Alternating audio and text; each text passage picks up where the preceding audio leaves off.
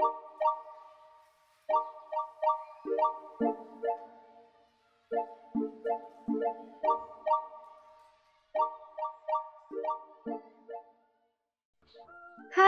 Sobat pendengar podcast Disnatali Simbion 4 ke-60 Masih sama aku nih, Caca yang selalu ada buat kalian semua Nah, nggak kerasa ya, udah malam minggu lagi nih. Kalau udah malam minggu gini sih, udah tugas Caca banget buat temenin kalian dengan bahasan-bahasan yang ringan, seru, menarik, dan juga informatif.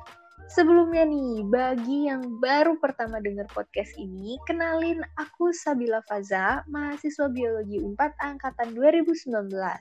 Tapi teman-teman bisa banget panggil aku Caca aja ya. Selamat datang dan selamat mendengarkan aku dalam beberapa menit ke depan.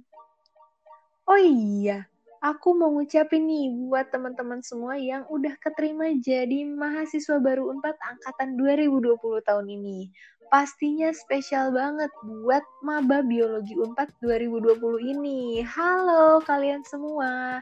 Selamat ya udah jadi mahasiswa dan semangat menempuh bangku perkuliahan. Eits, gak itu doang. Tapi selamat juga buat kalian para mahasiswa baru udah nyelesain Prabu dan MIPA bersatu hari pertamanya ya. Meskipun ospek kalian dilakukan dengan daring, tapi jangan jadi patah semangat buat tetap kenalan-kenalan sama temen-temennya ya. Gak lupa juga aku apresiasi banget nih buat angkatan 2020 tuh kalian keren banget. Lulus SMA secara online ada yang wisuda, ada yang enggak, ada yang wisuda secara online. Dan terus sekarang jadi mahasiswa pun secara online. Keren banget pokoknya kalian. Ngomong-ngomong tentang maba nih, waktu aku jadi maba tahun lalu tuh aku banyak nyari tahu tentang apa aja sih yang harus dipersiapkan untuk menjadi mahasiswa baru dan apa aja yang harus disiapin terutama jadi mahasiswa baru biologi Unpad nih teman-teman.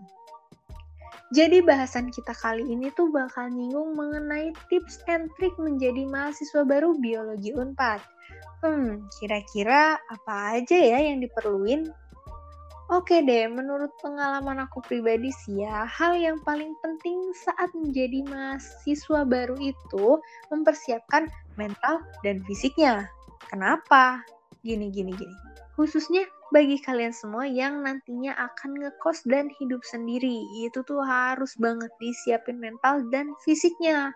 Karena kalian akan dan harus beradaptasi dari kehidupan yang biasanya di rumah, ada yang bantuin, dan tiba-tiba sekarang apa-apa harus sendiri. Apalagi tuh kalau udah yang namanya homesick. Kayak waktu aku awal-awal ngekos nih, aku tuh gampang banget homesick. Biasanya kalau lagi homesick aku bakal nelpon atau video call orang-orang yang ada di rumah. Atau bahkan aku nyempetin pulang ke rumah di weekend gitu. Iya sih emang aku masih sempet gitu. Karena rumah aku juga nggak terlalu jauh banget dari Jatinangor. Kayak ya jadi masih sempet lah ke weekend pulang. Nanti balik lagi sehari gitu. Namun seiring berjalannya waktu juga teman-teman pasti bakal terbiasa. Selain itu, dalam mempersiapkan mental, kalian juga harus banget siap menghadapi beberapa praktikum yang akan kalian hadapi nih. Praktikum itu seru banget loh teman-teman. Sayang banget ya tahun ini kita harus ngejalannya secara daring. Nah, dalam praktikum ini nantinya teman-teman tuh harus bikin laporan So, apa sih yang harus dipersiapkan?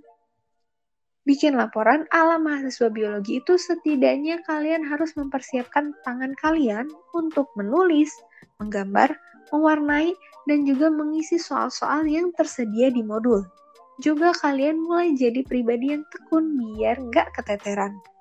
Hal terpenting sih, kalian harus mau belajar mencari tahu pastinya. Nah, ngisi modul itu tuh seru banget teman-teman karena kalian bakal gampang inget sama materinya karena kalian tuh bakal ngulang teorinya tapi dengan cara menggambar dan mewarnai. Jadi, jangan lupa siapin alat tulis dan alat mewarnainya ya, teman-teman. Nah, buat kalian para cewek-cewek nih yang suka menghias-hias sesuatu, yang suka lettering-lettering, part ngerjain modul sesuai mood kalian tuh seru banget. Apalagi kalau udah lihat hasil modulnya yang rapi. Beh, itu kebanggaan banget buat diri sendiri.